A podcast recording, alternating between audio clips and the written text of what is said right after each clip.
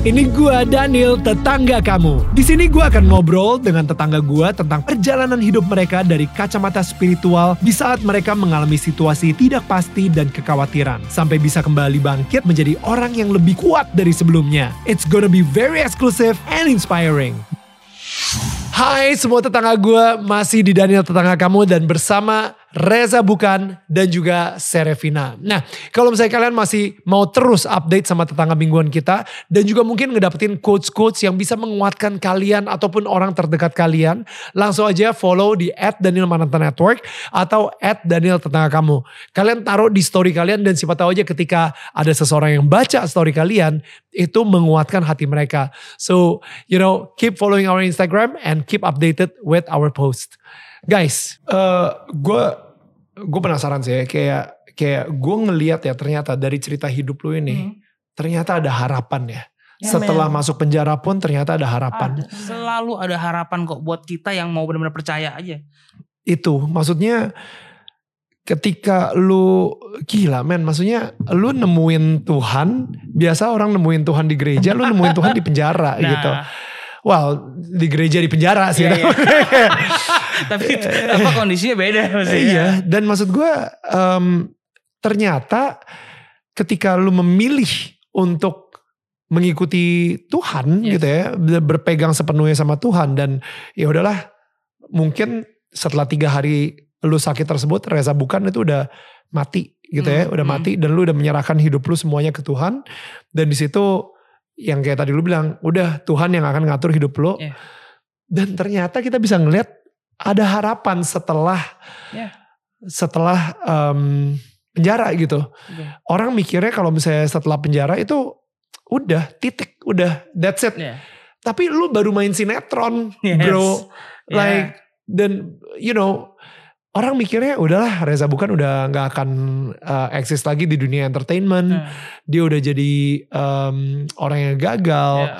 Dan mungkin dari teman-teman yang sekarang nonton, apakah teman-teman yang lagi nonton pun masih di penjara atau teman-teman eh, yang nonton pun lagi menghadapi sebuah situasi yang ngerasa, aduh gila gue udah gagal banget nih jadi orang. Baru dipecat dari kerjaan, Yes. baru diceraikan misalnya, baru di apa pun itu gitu ya. Ternyata ketika Tuhan belum selesai sama Yes. hidup lo, gitu ya. Gak ada satu orang pun yang bisa ngomong kalau misalnya lu itu udah selesai. It's not Yeah. over until God said it's over gitu kan. Jadi Amin. kayak Amin. right, you know, karena gue ini benar-benar ngelihat lu keluar dari penjara, lu dapat istri Yes. dan lu punya anak, Iya. ya kan? Dan ini semua terjadi di masa pandemi gitu. Iya. Siapa yang nikah di pandemi? Kalian. Dan itu itu mujizat. Eh, mujizatnya gini. Pada saat pandemi lagi tinggi-tingginya, kita Hmm. bukan jago-jagoan, Hmm. bukan kayak mau menguji tuh apa, bukan kayak bukan kayak mau mencobai Tuhan dan bukan kita tidak patuh kepada Hmm. pemerintah. Pada saat itu pun saya dikasih hikmat bahwa Hmm. Eh, tetap berjalan tapi benar-benar di eh, private Hmm. dan eh, kita saya bilang kalau Tuhan masih tetap mau jalan kita cuma minta tanda satu kita berdoa berdua pada saat itu berapa malam kita minta supaya pihak hotel kasih Hmm. nah ternyata pihak hotel bilang apa nggak ada masalah What? Terus. jalan terus Wow. Dan itu manajernya langsung ya. 2020 tuh. Lagi Wow. high tinggi banget. lagi tinggi semua yang lagi benar-benar 2020. mau makan di Iya. tempat aja nggak boleh Ya, ya, ya, dan ya. ini kadang nggak ada masalah Karena pribadi ya, acara pribadi aja. sebenarnya sih dibilang pribadi yang datang juga Iya, 2000 orang ya. hmm. Nggak, bercanda, bercanda. Nggak. yang datang di luar dari prediksi karena memang banyak yang sayang sama dia Oh. dan sama kami Ya, dan ya. wah ini di luar orang-orang yang dulu ngeremehin Oh. nge, nge- nggak aduh Reza bisa apa sih aduh bisa apa sih itu mereka datang sendiri nyaksin sendiri dan minta ya akhirnya meluk terus nginin Hmm. kita gitu loh. Ya, Hmm. Jadi pokoknya buat eh, teman-teman semua nih yang lagi nonton juga, kalaupun sedang dalam eh, masa yang nggak enak, kayak penjara kayak gitu, Ya. tetap lu harus perbaiki diri lu dulu. Hmm. Tetap lu harus putusin, lu harus mau jadi eh, orang yang bener, hidup bener. itu nggak titik akhir ya Betul, karena dengan begitu lu akan diberikan pengharapan. Jadi Tuhan kita kan Tuhan yang sangat baik dan sangat mengasihi. Jadi kalau lu mau tetap anggar jago eh, jago lu, jago eh, channel lu, jago apa namanya kerabat lu, saudara lu, itu temporary gitu loh. Tetap lu punya Tuhan yang bener-bener eh, alpha omega nih. Hmm. Udah iya, dia prime dan supreme. Jadi Hmm. kalau lu berharap sama dia, Yes. ya dia akan take care lu gitu loh. Wow. Kalau lu nggak nggak nggak berubah, lu masih tetap eh, oke, gue masih punya eh, harta gue, gue masih punya eh, om gue yang mungkin pejabat atau yang apa, sementara Hmm. nggak akan berubah. Itu yang hidupnya. dibilang berharap sama manusia gitu ya. Yes, berharap sama uang, berharap Betul, sama betul. jabatan atau network Nah, gitu. nggak akan lama. Hidup lu akan begitu lagi. Eh, jatuh, bangun, jatuh, bangun. Tapi sekarang bagaimana kita mau benar-benar hidup ya bangkit. Gitu aja kan. Dengan berharap sama Tuhan. Berharap sama Tuhan. ya, ya. Wow. Nah itu udah gue rasain dan gue alamin gitu loh. Dan pengalaman dengan Tuhan itu paling keren deh udah deh. Hmm. Daripada lu dengan teman mabok, dengan teman eh, seneng-seneng. Beda rasanya. Ingat, eh, saya ingat waktu, eh, jadi saya ingat waktu dia pertama kali keluar, kita makan. Hmm. Makan tuh di Jakarta Selatan. Jadi ada beberapa eh, kumpulan cewek-cewek lah. Hmm. Di samping kita, kita makan dia ngeliatin terus, ngeliatin terus. Hmm. Ngomong-ngomong, itu Reca bukan, Reca bukan Hmm. katanya kan. Terus nggak lama kita mau pulang berdiri, saya dengar, Reza bukan bukannya masih di penjara. Hmm. Iya, dia itu kan yang di penjara kan. Iya. Kok bebas sih? Kayaknya Hmm. seneng banget dia eh, mau di penjara terus. Nah, Hmm. itu pada saat pertama. Nah, saya bilang, "Oh, masih begitu ya Tuhan ya udah." Nggak lama, belakangan belum lama ini beberapa mungkin kayak ada 8 9 bulan yang lalu. Wah, Reza bukan pendeta loh. Hmm. Haleluya bro ya, masih dikenal Wow. lah ya bro. Tapi dengan sekarang ya Pendeta. dengan eh, promosi dari Tuhan itu aja sih. Jadi kalau Wow. sampai kita nggak kenal siapa, kalau udah makan di mana termasuk kemarin ma- kita lagi ada persekutuan di Bogor, itu kucuk kucuk kucuk kucuk pendeta, halo. Oh iya, Pak saya dari hamba Tuhan dari gereja ini Pak. Oh iya, Pak minta nomor telepon nanti saya mau kontak undang khotbah. Wow. Sampai sampai sampai kita kemarin itu juga kita lagi makan Pak Pendeta katanya minta nomor telepon kita mau kontak nanti buat bawa firman katanya gitu. Wow. Amin. Wow. Eh, wow. Eh, Iya itu dia. Tapi lu lu sendiri eh, ngerasa lu lebih jago di daerah kependetaan atau di keartisan nih? Dua-duanya puji Tuhan masih. Puji Tuhan ya. Saya Ya. pribadi melihat. Kalau dia mungkin ditanya, mungkin dia kadang-kadang, eh, gila ya orang masih positif lihat gue. Hmm. Halo, ke mana? Apa kata Tuhan Yesus? Saya bilang gitu. Hmm. Wah luar biasa katanya. Saya Hmm. sih lihatnya semuanya itu berjalan dengan semestinya dengan nggak ada yang oh lebih condong ini nggak lebih condong nggak justru orang semakin respect sama dia. Amin. Amin. Jadi Karena kenapa bukan, bukan itu pertobatannya dia? Iya, bukan masalah kependetaan atau eh, dunia Keartisan. entertain keartisan enggak sih. Sekarang apa yang gue lakuin adalah yang gue lakuin buat Tuhan aja udah. Saya bilang tunjukin buahnya itu aja. Walaupun di dunia artis lu Oke, kepada semua teman-teman artis yang lagi nonton, bagaimana seorang artis bisa menunjukkan apa tadi kemuliaan Tuhan Hmm. Ya. dengan entertainment? Dengan apa ya? Dengan eh, dengan perbuatannya ya rendah kan? hati. Dengan kerendahan hati, kemudian juga dengan karakternya ya kan? Hmm. Daniel Mananta siapa nggak kenal sih? Hmm. Dia pasti anak Tuhan, anak Tuhan. Apanya? Dia dari kelakuannya ya kan? Hmm. eh, sayang keluarga, bener nggak? Nggak pernah ada masalah, nggak pernah masuk berita ke lambe turah, ya kan? Hmm. Itu termasuk untuk memuliakan Tuhan. Hmm. Dan itu Yes. memang doa dia. Hmm. Percaya apa enggak? Dua bulan, eh tiga bulan sebelum ketemu sama Daniel di acara Good Friend. Hmm. Karena tujuan dia bagus kan. Nah nggak Hmm. lama ketemu di Good Friend. Terus Hmm. malamnya pas pulang dari sana. Dan gue tuh mes banget begitu lu bilang, lu mesti tamu di Daniel. eh, Itu kan Ah, langsung Daniel sendiri terus ku giniin pas mau pulang tuh. Tuhan denger kan. Keren Tuhan, udah gue gak bisa ngomong apa-apa katanya. itu, itu. Dan yang ketemu, ke- ketemu di Good Friend nggak tahu lu ada. Cuman Iya. di, di absen, wah ada Daniel ya. Oh oke. This is eh, termasuk eh, tujuan gue. Oke, em, nah, oke, jadi gimana cara kita sebagai artis itu mel- mem- apa apa tadi memuliakan Tuhan ya, memuliakan Tuhan melalui em, Kerjaan kita. pekerjaan kita gitu. Dan ini bukan buat artis saja obviously, ini buat Bukan. buat lu jadi akuntan pun gitu kan Ya, atau misalnya gitu. Ingat pokoknya kalau setiga ayat 23 udah. apa itu? Lakukan semuanya untuk Tuhan bukan untuk manusia. Ya. Hmm. Kalau lu udah lakukan semua untuk Tuhan berarti kan lu pasti akan memberikan yang terbaik, perfect. Karena buat Tuhan gitu loh. Setuju. Gue gua gue pernah denger ini ini gue pernah denger sih. Jadi eh, misalnya ya, lu adalah tukang cuci WC. Hmm, Oke. iya. Misalnya lu adalah tukang cuci WC. Dan di situ yang tadi lu bilang tuh, Hmm. lakukan semuanya untuk Tuhan, bukan Betul, untuk manusia gitu ya. Nah, itu mungkin agak sulit.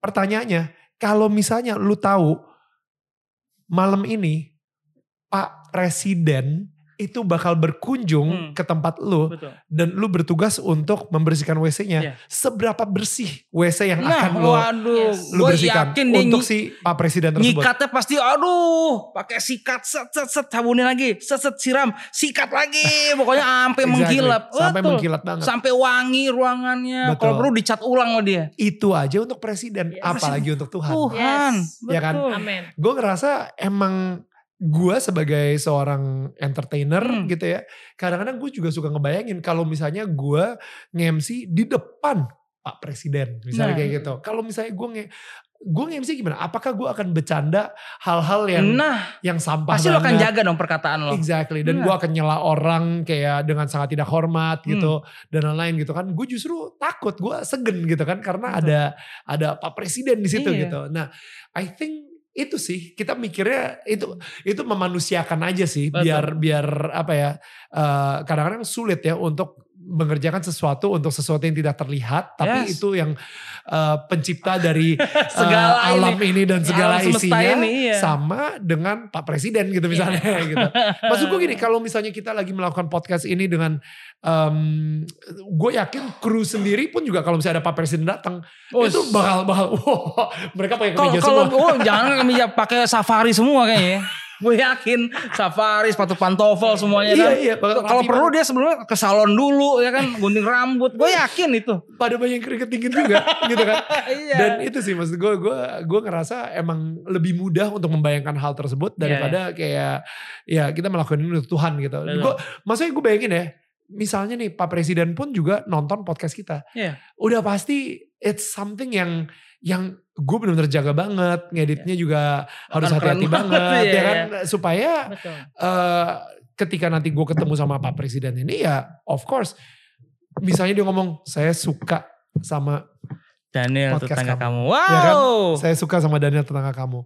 Wow, itu sama aja kayak dengerin kayak thank you my good and faithful servant. Ah, yes amin Iya gak sih? amin iya Kayak ketika nanti kita ketemu Tuhan di surga, Tuhan bilang terima kasih udah memberikan pelayanan terbaik untuk saya. betul Kayak gitu. I think I think itu tujuan gue pun di di dunia entertainment Ah. gitu ya, di mana pun apa pun yang gue kerjain gitu. ya itu dulu yang gue nggak nggak nggak seperti itu Hmm. gue dulu kerja ya untuk gue sendiri Hmm. untuk pribadi gue lebih untuk terkenal. Iya untuk itu cari yang achievement penghargaan. Wah gue udah main sama Garin Nugroho. Wah Nah, gila doang. gue ditampar sama itu Agnes doang itu doang ya sampai situ aja kan Iya. tapi kalau kita untuk Tuhan ah lebih lagi ceritanya beda lagi Ya, ya, ya. Setuju, setuju. Em, dan anak sekarang umur berapa jadi? jadi eh Kenan 9 tahun kemudian eh, Mika itu masuk 8 tahun Abel 6 Abel 6. lalu Emma 9 bulan Wow. Cewek dua, cowok dua. ya nice gang ya Abel dan Emma nih ya, Iya. berarti ya. Dari anak dari kalian Iya. gitu ya. Nah, em, ini how is it? Like, like gue, gue pengen tahu. Akankah suatu saat lu harus ngomong sama mereka bahwa dulu lu adalah mantan narapidana? Bahkan kalau Kinan sama em, siapa tadi yang Eh, Mika Kinan sama Mika kan kayaknya mereka mungkin udah tahu dari eh, nyokapnya juga Iya. gitu kan. Tapi kalau misalnya anak lu ini kan mereka belum tahu nih. Hmm. Will you tell them? untuk dikasih tahu iya iya kita harus kasih tahu Abel dan tuh udah ngerti. Dia Ya. udah punya handphone sendiri. Dia udah buka-buka itu. eh, YouTube. Abel Mm, Abel yang pernah nanya. umur 6 tahun. 6 tahun. Dia pernah nanya. Terus aku bilang, nanti kalau kamu sudah besar mama jelaskan. Oke mah gitu. Ini Oh, wow. karena belum kapasitas dia dalam usia segitu ya. Nanti terlalu berat jadi Takutnya nanti dia bakal bertanya-tanya sama nanti ponakan-ponakanku yang lainnya. Hmm. Karena memang orangnya sangat ini banget, temen friendly Kritis banget. ya. Oh, Hmm. kritis banget. Oh, gitu. Hmm. How, how is that gonna be? Ketika Kalau- lo harus nanya, eh, lo harus menjelaskan ke Abel. Ya gue akan menjelaskan se apa ya se pantasnya di umurnya dia nanti ya pada saatnya ya. Ya gue akan jelaskan bahwa setiap orang tuh pasti punya kesalahan. Setiap orang eh, itu ada melakukan dosa. Tapi bagaimana sekarang ini orang itu mau nggak bertobat? Mau nggak bangkit? Nah contohnya mungkin dia akan lihat gue oh sekarang papi gue eh, dia lebih sayang ke gue ya kan dengan cerita apa pun belakang itu juga seperti Tuhan juga Tuhan nggak ngelihat lu kayak gimana dulunya yang penting sekarang lu berubah Yes. nggak Ya. sekarang lu that's apa good. nih sekarang lu emas apa batu kali itu aja sih Wow. cuman ya itu gue akan memberikan kepada anak gue ya papa pernah salah Hmm. tapi papa mau bangkit Mungkin gue pengen nanya ke Sere sih untuk yang ini ya. Lu udah 9 tahun terakhir ini Mm-mm. Eh, pelayanan ke penjara. Iya. Jadi seharusnya lu udah ngeliat semuanya. Mm-mm. Em, pasti udah ngeliat ada yang lu udah doain, tapi habis itu balik lagi. Banyak, Nggak berubah.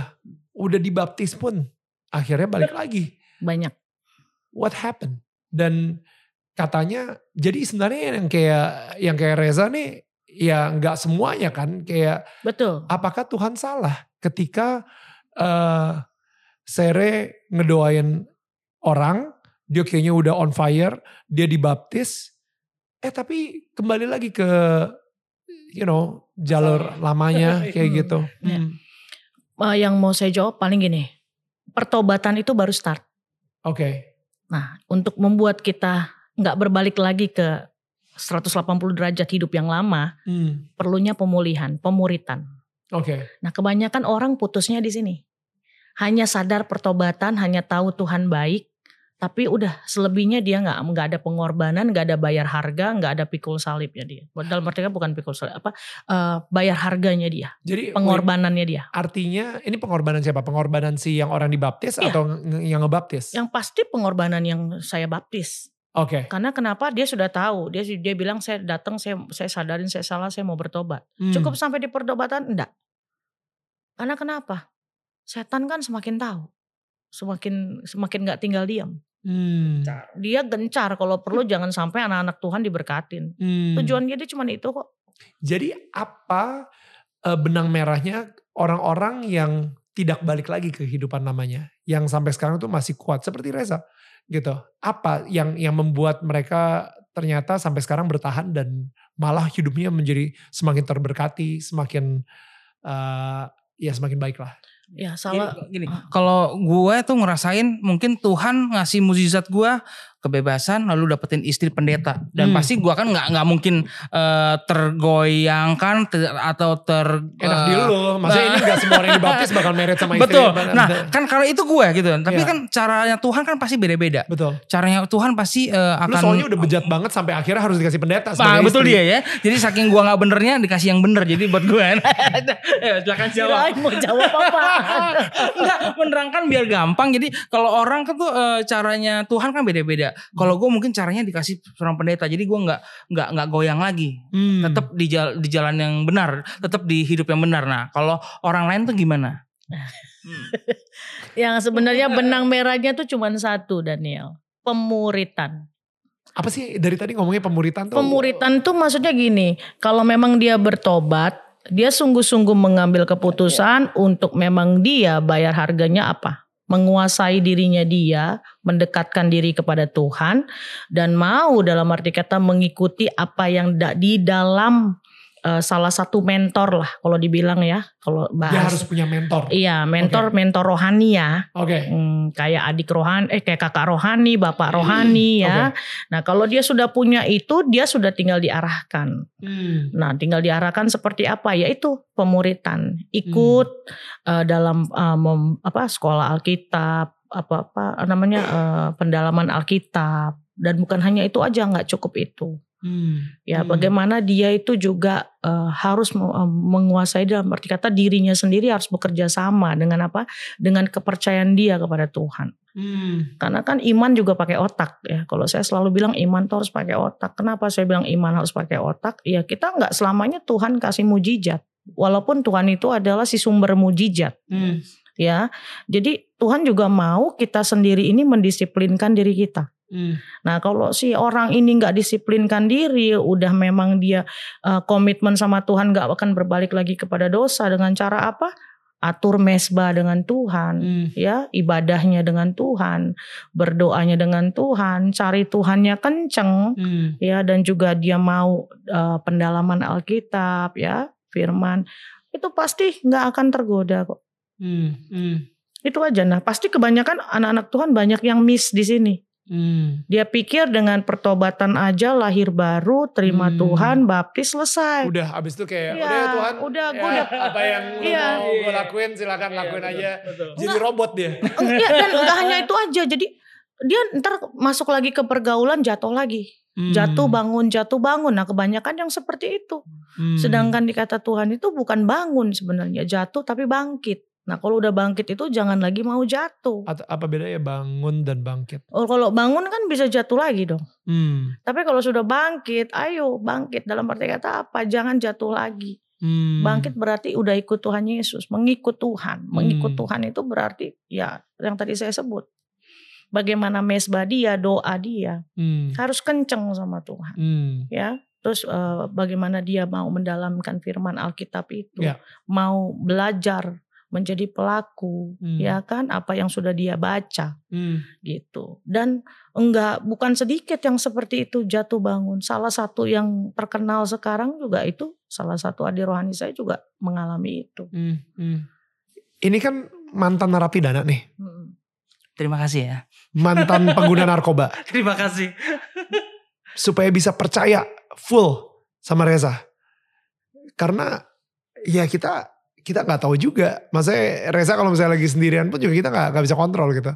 Oke. Ya kan? Iya. Like how do you ya how do you deal with that? Dan apalagi sorry. Dan ini ini nekat loh. Sekarang Sere adalah pemuka agama juga gitu. Mm. Jadi kalau misalnya Reza salah, keseret juga gitu. You're taking such a risk Iya. untuk menikahi Reza Iya. gitu. Nah, saya melihat Reza, Reza sampai saat ini percaya 100 bahkan 1000 persen bahkan 1 juta persen. Saya percaya kenapa? Karena dia juga dia juga tahu dia sendiri apa yang dia lakukan itu berkomitmen dengan Tuhan. Saya melihat bagaimana pengorbanannya dia bukan kepada saya tapi kepada Tuhan. Dia matikan segala pergaulannya yang tidak benar. Ya, yang kedua eh, apa yang menjadi pekerjaan yang memicu dosa itu dia matikan. Yang ketiga, sekarang dia lagi proses pembelajaran bagaimana Tuhan mau mengubah diri dia dari kebiasaan-kebiasaan yang buruk. Nah, itu udah saya lihat. Emosi, ya, bahkan dia orangnya terbuka apa adanya. Saya biarkan pun dia eh, bekerja sendiri, misalnya saya lagi bentrok dengan pelayanan atau pekerjaan saya, dia pasti selalu kasih update laporan. Ini aku udah pulang, ini aku udah ini, udah ini. Dan bukan hanya kepada saya, tapi kepada mama juga seperti itu. Dan dan memang kami tuh saya dia pun bilang kalau nanti saya ke mana kamu ikut. Saya nggak mau kecuali kalau nanti saya misalnya ada pelayanan lain yang memang tidak bisa ketemu ah, yang bisa mungkin waktunya dia ini saya ini. Nah di situ kita komunikasi sama kayak waktu kemarin saya pelayanan ke Malang dia nge-MC di eh, salah satu konser musik. eh, Nah itu wah gila yang satu pelayanan ini konser Iya. di backstage Iya. sama band-band itu yang katanya kalau misalnya orang yang ngeband ngeband artis entertainment gitu di backstage wah itu nakal-nakal semua tuh. Puji Tuhan di awal mereka pembicaraan ini saya diajak. Oke Bahkan saya diikutsertakan sebenarnya sama Badai untuk mendoakan acara itu. badai Krispati ini Iya. badai oke oke. Jadi dia minta saya Oh, wow. mendoakan, bahkan dia banyak kasih minta. Memang dia anak Tuhan juga. Hmm. Dia banyak sharing sama saya, dia banyak bertanya sama saya dan puji Tuhan dia bilang, "Eh, Kak nanti kalau misalnya di konser pimpin doa ya. Oh, Nah, saya, wow. saya kan nggak tahu ada pelayanan ke Malang. Oh, Oh, saya oke. siap saya bilang. Oke. Nah juga semua teman-teman yang pada saat latihan tuh kan ada datang semua ketemu, Hmm. kenal saya juga dan ngelihat. Hmm. Saya lihat mereka juga eh, dalam artian nggak seperti mungkin yang Daniel bilang ya. Hmm. Mereka apa-apa juga segala sesuatunya berdoa pulang selesai juga berdoa dan saya lihat Hmm. itu memang Tuhan sendiri kok yang iniin dia, yang Wow. benar-benar milih acaranya gitu. Oke. Dan pada saat saya bilang, Badai sorry saya harus ke Malang, saya nggak bisa. Nah dia akhirnya kirim hamba Tuhan lain, dia minta hamba Tuhan lain. Nah, jadi ini kenapa saya nanyain pertanyaan ini, Ser ya? Masih ada hubungannya sama yang tadi tuh, yang Mm-mm. yang eh, yang saya apa eh, doain di penjara, dia tobat, tapi pas begitu keluar dari penjara, dia balik lagi. Mm-mm. Mungkin karena dari sekelilingnya, istrinya pun juga Tidak mendukung. tidak mendukung dan masih ada rasa tidak percaya. Iya, Ya kan? Ini em, ketika seseorang kayak dicurigain terus menerus, akhirnya it's a yang kita bilang self fulfilling prophecy. Di mana kayak ini jangan-jangan dia narkoban lagi deh. Heh, kamu narkoban lagi ya? Abis itu ngecek handphonenya, ngecek ini. Lama-lama beberapa bulan kemudian dia mikir, ah kalau misalnya dia curigain gue narko, udahlah mendingan gue narkoba lagi aja. iya. Kayak gitu misalnya. Toh dia juga ada curiga anyway gitu misalnya. Jadi em, apakah apa yang seharusnya keluarga lakuin ketika seorang narapidana pun keluar dari Hmm. penjara gitu? Em, apakah benar-benar berserah sama Tuhan biar Tuhan yang proses dia aja? Eh, apakah keluarganya, you know, ya yeah, what what would you suggest? Kalau saran, Melihat dari pengalamannya Sere ya selama Iya. pelayanan. kalau saran saya, kalaupun dia diproses Tuhan, misalnya sampai saat ini pun masih di dalam, saya minta, saya sarankan buat bapak ibu semua yang nonton uh, podcast ini, uh, jangan ditinggalkan, jangan ditinggalkan, layani dengan baik, doakan mereka, bahkan juga uh, kasih support semangat yang kita percaya pasti nggak semua orang itu yang dari penjara sampah. Hmm. Ya nggak semua orang dan itu kalau saya ada yang bilang yang keluar dari penjara itu sampah, saya pasti orang pertama yang akan marah. Karena kenapa Tuhan aja mengampuni siapa kita, Hmm. ya ap- siapa kita gitu loh. Nah jadi jangan ditinggalkan, jangan ditinggalkan, jangan juga eh, eh, benci, marah karena itu juga percuma.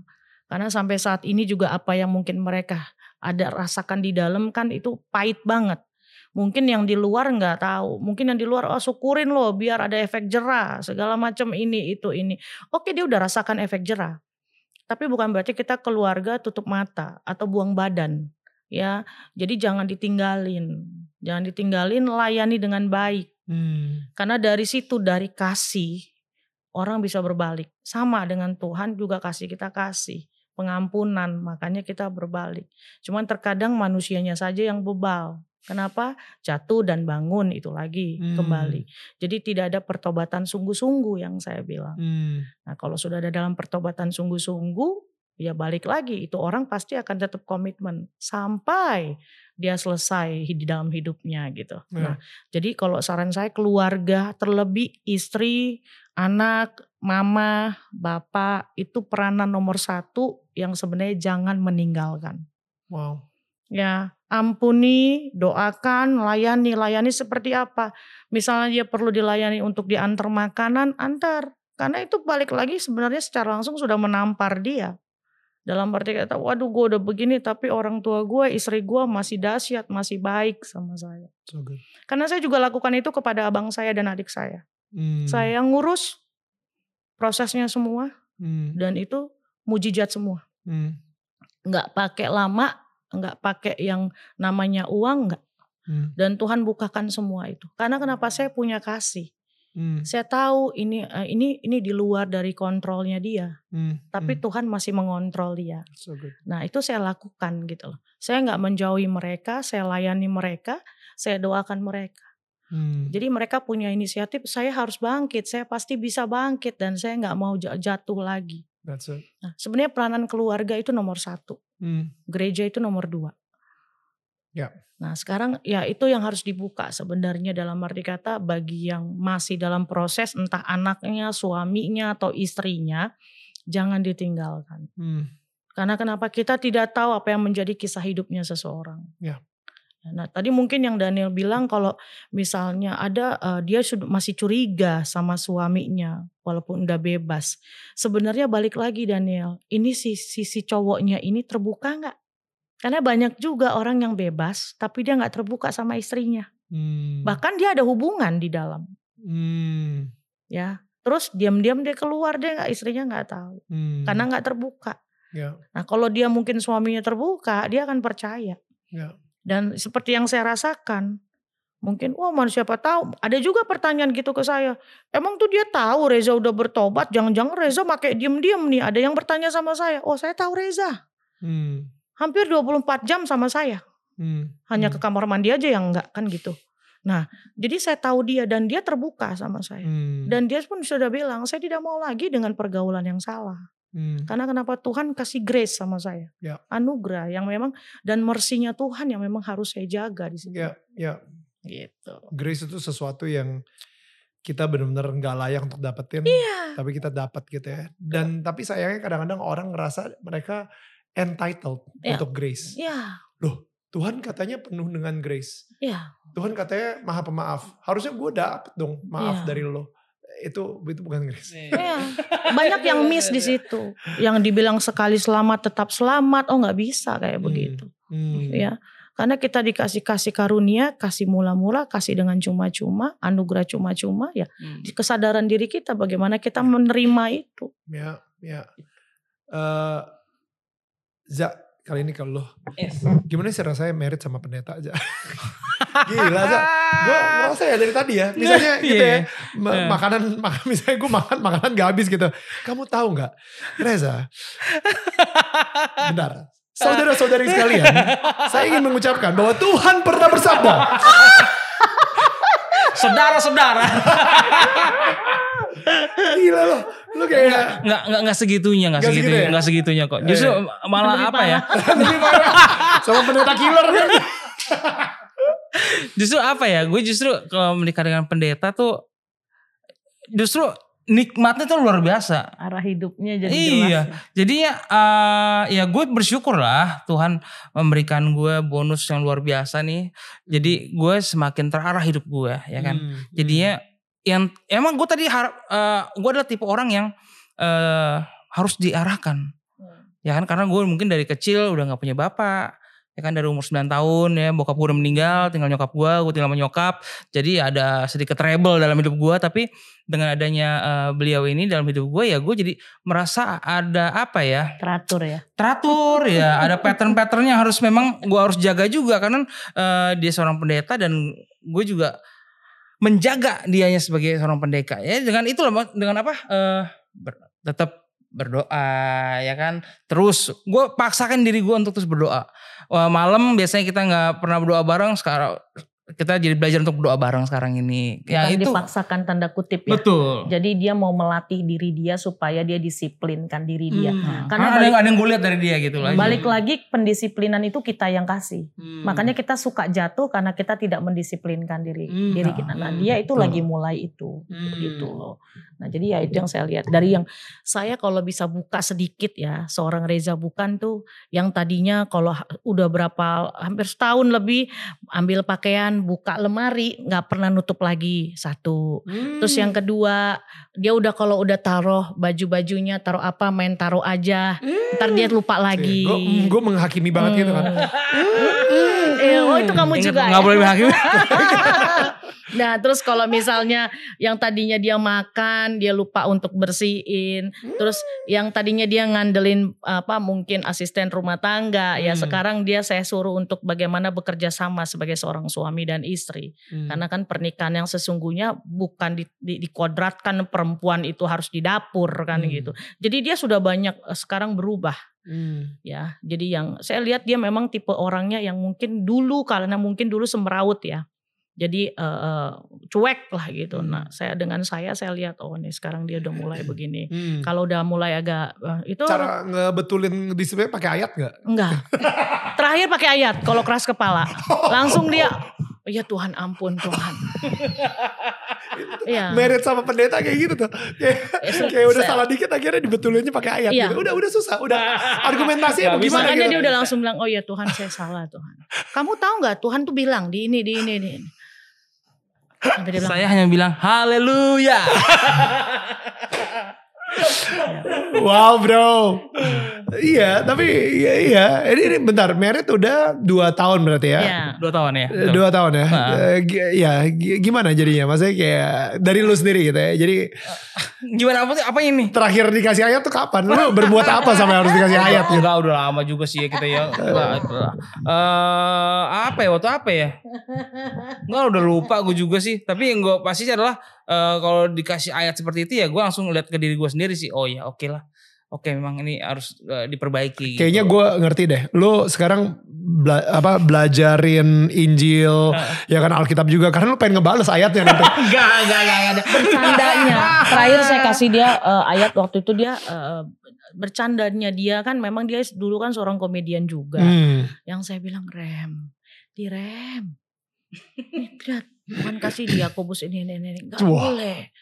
Oh iya, jadi saya nggak usah kebablasan. Nah dia tuh Hmm. bablas dan Hmm. candain daripada eh, di mimbar dengan bercanda dengan hamba Tuhan kan nggak bisa seperti dia canda di Ya, dunia di artis. komedi klubnya itu. Iya. Ah, Jadi, ah. oh iya ya saya ketelepasan. Pak saya minta maaf. Akhirnya juga dia selalu bilang mohon maaf kalau ada salah kata. Iya, selalu iya. dia bilang begitu karena memang ya balik lagi. apa? Lu bercandain apa emang ya? Gue Ya, jadi penasaran. Kalau lagi entah bercandain Apa-apa? Ingat gak? Lu inget gak? sih? Sandain apa ya? ya ayat-ayat firman lah seperti misalnya dia lagi eh, bawa eh, salah satu Eh, khotbah nih, dia lagi eh, khotbah nih ya. khotbah ya kan terus ada yang hal-hal yang memang dia candain saya juga lupa cuman kemarin itu saya tegur dia jangan terlalu apa candaannya tuh Eh. ditahan oh iya saya salah gitu. Eh, nah makanya kita setiap kali eh, lihat itu ada yang di YouTube kan jadi Iya. oh ini oke good nggak apa-apa jadi kalau ada yang ketelapasan juga Hmm. Lu enak sih, lu lu lu eh, ada istri yang ngingetin ya. Kalau gue, bro, kadang-kadang Tuhan sendiri yang ngingetin gue. aduh, aduh, aduh, enak. aduh. Gak enak ya? Gak enak ya? itu gue sampai kayak nangis-nangis di kamar. Sorry Tuhan, Iya. gue bercandanya kelewatan. Iya, iya maaf Tuhan. Gila, gue itu. Dulu tuh dia gitu sama saya pertama kali nikah. Hmm. Nanti kamu bajunya begini ya, begini ya, begini. Saya marah. Kamu, kamu, saya, saya. Saya bukan orang yang entertain. Wow. Kalau dia kan ya kayak kalian ini kan sudah nanti wardrobe-nya ini, ini. Hmm. Oh saya enggak, Hmm. saya, saya. Hmm. Kamu, kamu. Hmm. Nggak bisa seperti itu. Terus udah makin lama dia makin, oh iya. Oh saya nanti hmm, belinya harus yang begini. Oh enggak. Akhirnya itu eh, dengerin kata-kata Tuhan justru. Saya- saya- Usang semuanya. Yang bermerek itu enggak. Oke, quick question. Sere ini kan seorang istri yang mungkin uh, udah lebih lama mempunyai hubungan sama Tuhan sehingga bisa membedakan antara suara Tuhan atau mungkin diri sendiri. Ya. Tapi Sere sendiri juga adalah seorang manusia Betul. yang tidak sempurna. Betul. Bagaimana caranya untuk ketika kita lagi berdebat, kita lagi berargumentasi, mungkin saat itu ternyata saya yang salah. Ya. Eh, You know what I mean? Ya. Tapi sayangnya karena eh, Sere ini mempunyai sebuah otoritas Ya. dari Tuhan, Betul. kesannya kita lagi kayak berdebat tadinya lagi berdebat sama istri, kesannya kita lagi berdebat sama Tuhan. Iya. Ngerti gak lo? Jadi sesuatu yang mungkin egonya Sere sebagai istri, tapi malah kesannya nih, no no no no, ini kok gue jadi ngerasa kayak Tuhan yang ngomong ya. Iya. Sekarang kayak gitu. Betul. How do you like, you know, differentiate that gitu? Maksudnya Membedakan. membedakan dan apakah Sere sendiri pernah kayak justru ditegur sama Tuhan? Pernah. Kayak Sere, gue gak pernah ngomong kayak gitu. Lu sekarang mengatasnamakan nama gue nih ketika ngomong sama Reza. Gitu misalnya. Eh, pernahnya sih pada saat kami waktu itu debat ya. Mhm. Ada satu sesuatu yang kami perdebatkan dan eh, saya tipe orang yang mungkin karena sudah memang sendiri waktu lama sendiri dan eh, seorang eh, pemimpin ya kan yang pada saat itu saya sadar saya saya sudah ini suami saya imam Hmm. saya yang harus Hmm. Saya hormatin gitu. Hmm. Nah, tiba-tiba dengan keluar kata-kata saya, nah Tuhan langsung ingatkan saya. Wow. Dan di situ saya langsung berdoa, saya minta ampun sama Tuhan. Hmm. Cuman ad- balik lagi ada perasaan gengsi. Jadi belum minta ampun sama Reza. Eh, Saya maafin. saya tipenya kalau lagi, ya saya tipe orang kalau salah saya salah saya diam. oh Tandanya iya. saya harus em, satu refleksi diri, Hmm. yang kedua mau mengeriwain lagi saya salah di mana. Hmm. Nah, baru begitu saya, saya bukan tipe orang yang maaf tapi begitu lagi enggak. Saya orang yang mungkin nggak bilang maaf tapi saya rubah. Hmm, enggak. Nah, saya nggak suka orang yang sering bilang maaf tapi masih begitu juga. Hmm. Nah, yang di sebelah saya masih ada seperti itu. itu bukan dari Tuhan by the way. Itu kejulitan istri. Itu kejulitan istri, yes. Ya, Paham kan? Paham kan? Maaf. Yang lain paham kan? Paham. sampai sampai tadi juga, Pi tutup lemari. Oh iya maaf. Besok begitu lagi. Suami-suami paham kan? Pi itu nggak dibawa yang dibawa baju ke atas. Oh iya nih maaf. Enggak, karena gini, saya sendiri akhirnya karena mungkin eh gift atau ya gift yang saya dapatkan istri saya juga punya. Hmm. Jadi memang saya sendiri itu saya harus mendekatkan diri banget sama Tuhan Hmm. untuk bisa membedakan, to discern, Iya. untuk membedakan apakah ini ego istri saya atau emang bener Tuhan lagi ngomong melalui istri saya ke saya. Iya. Sayangnya gitu kan, kadang-kadang Tuhan tuh menggunakan istri Iya, kita Iya. untuk merubah Betul. kita gitu kan. Itu biasanya orang yang terdekat. Ada maksud Tuhan untuk mengubahkan saya dan juga dia. Hmm, Dari dari Reza saya banyak belajar. hmm, Orangnya apa? Tenang. Hmm, Saya tipe orang yang nggak bisa dalam arti kata kalau ada sesuatu karena orang saya orangnya perfeksionis kalau hmm, untuk pelayanan. Hmm, hmm, tugas yang saya memang eh, kuasai. Betul. karena saya orangnya tak tak tak tak. Dia lihat sendiri wah cepat banget kerjanya. Hmm, nah saya harus begitu. Nah dari ada sesuatu yang eh, eh, eh, miss aja saya langsung panik. Nah dia bilang tenang udah nggak. Hmm, saya dari situ belajar dari dia. Hmm, terus eh, menguasai dalam arti kata eh, dia kalau misalnya ada sesuatu yang eh, nggak enak di jalan aja dia bisa kuasai kalau saya Hmm. langsung saya tipe orang yang kamu tuh salah hmm, kamu nggak bisa begini nah keluarlah ini saya hmm, ya jadi dia nggak hmm. udahlah nggak usah nggak ada ada biasanya ada orang yang bisa kita langsung tegur ada yang enggak Hmm, jadi kayak misalnya ada kayak pelayan-pelayan kita pengerja-pengerja kita lagi bener-bener nggak nggak sesuai dengan Hmm. kita dengan Hmm. arahan nah dia langsung kasih ingetin Ya. saya gitu balance lah. gitu. Ya, jadi kalau di jalan nih, itu orang ngapain sih ngebut?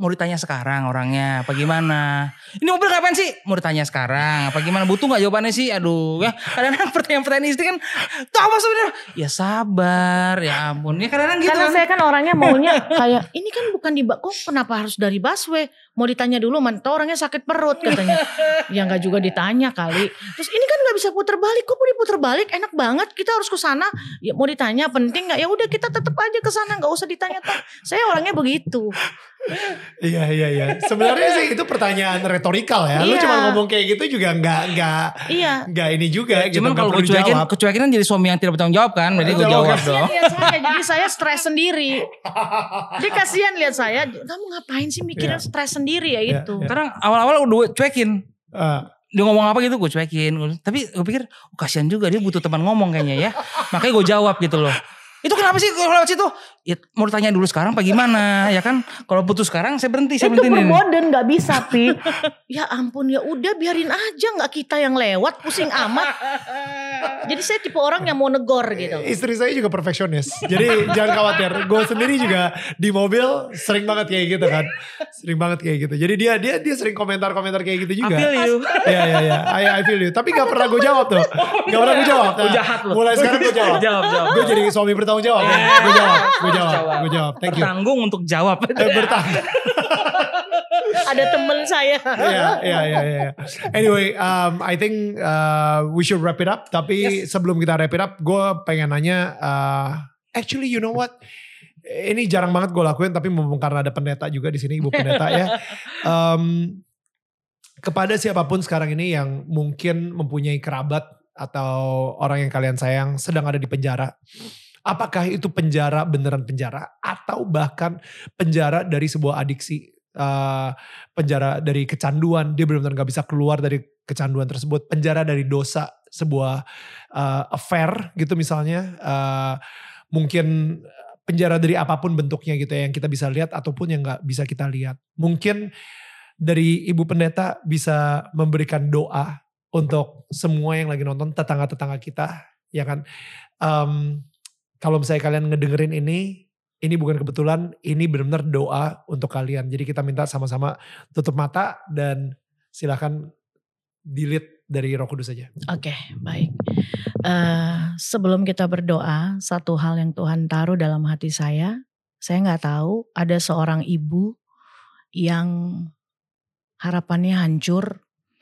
Eh, ini kelihatan eh, mungkin hukuman anaknya sangat berat ya. Eh, percayalah, masih ada harapan di dalam Tuhan. Jadi jangan tinggalkan anakmu, eh, bahkan juga untuk eh, bapak ibu yang lain, saudara yang lain, jangan tinggalkan orang yang sedang diproses Tuhan.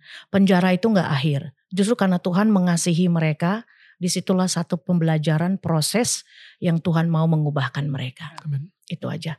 Yuk mari kita berdoa.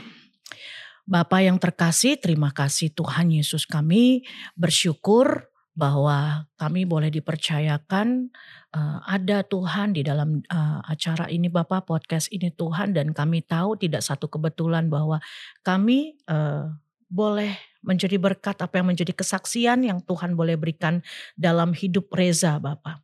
Dan saat ini Tuhan hamba berdoa bagi semua anak-anak Tuhan yang saat ini menyaksikan uh, tayangan ini Bapak uh, yang sedang uh, saat ini mengalami Tuhan uh, proses sekolah kehidupan baik mungkin uh, anak mereka, orang tua mereka atau mungkin mereka sendiri.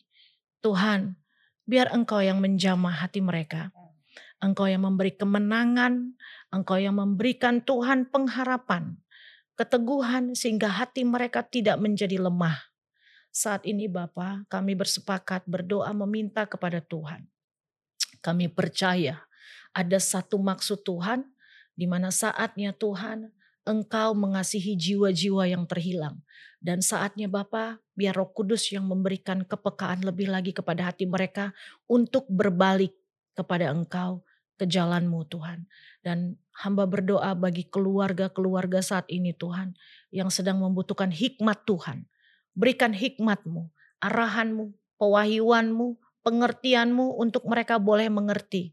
Kenapa Tuhan izinkan boleh terjadi. Karena kami Hmm. percaya ada maksud Tuhan. Di mana Tuhan firmanmu berkata Roma 8 ayat 28.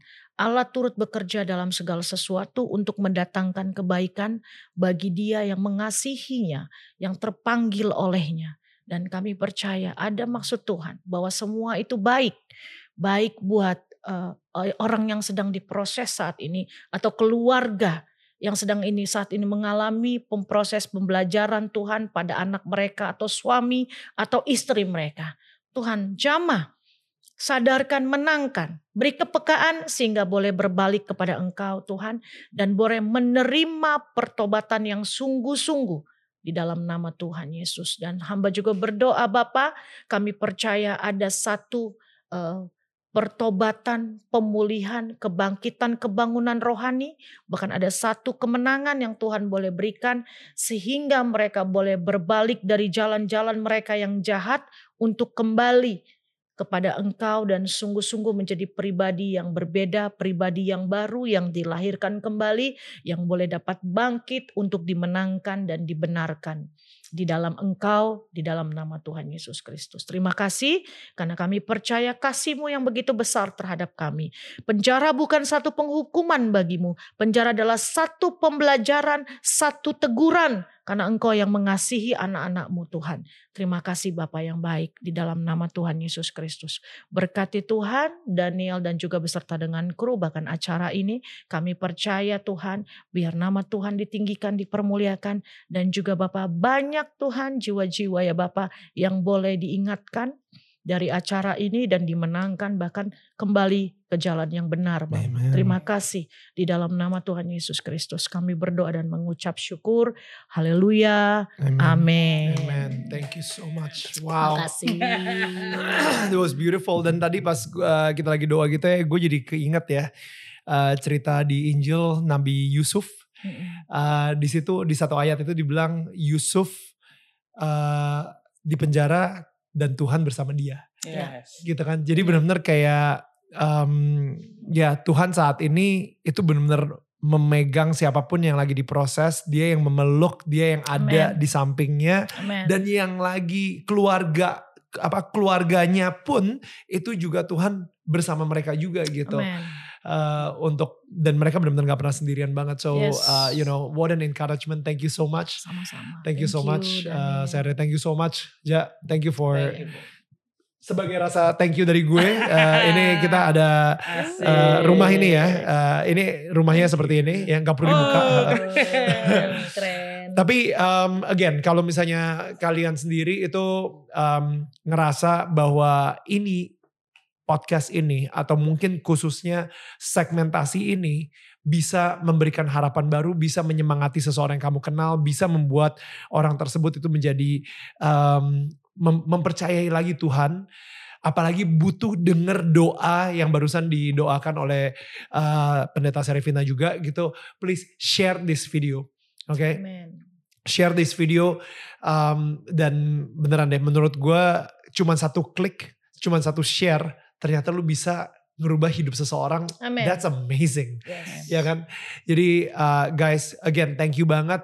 Dan kalau misalnya kalian tahu seseorang yang kalian kenal langsung dan ketika dia udah nonton ini dan dia ngerasa apa yang harus dilakuin atau apa pun, lu sebagai tetangga yang baik, lu datang ke rumahnya, lu datangin di cafe atau apa, lu doain dengan cara doa yang tadi gitu. Misalnya lu doain aja Amen. karena kita semua itu butuh banget didoakan gitu. Kadang-kadang kita udah terlalu capek, terlalu lemah, kita Ya. merasa tidak apa udah eh, sangat tidak layak untuk ketemu lagi sama Tuhan dan mungkin em, Tuhan akan berbicara melalui elu untuk mendoakan dia gitu. Yes. So Yeah. really like uh, there is nothing wrong with that gitu kan.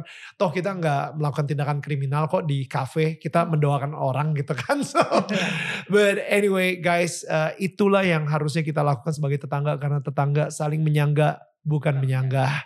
I'll see you guys again next week. Bye. Thank you so much guys sudah mendengarkan podcast Daniel Tetangga Kamu. Dan jangan lupa di follow podcastnya dan share ke sosial media kalian menggunakan hashtag Daniel Tetangga Kamu. Sebisa mungkin gue akan repost keseruan kalian ketika lagi mendengarkan podcast ini. Kalian juga bisa menyaksikan Daniel Tetangga Kamu setiap hari jam 4 sore waktu Indonesia bagian Barat di channel YouTube Daniel Mananta Network. Karena setiap minggunya akan ada sosok-sosok inspiratif yang akan menceritakan perjalanan hidup mereka dan hubungan mereka dengan Tuhan. Sampai ketemu minggu depan.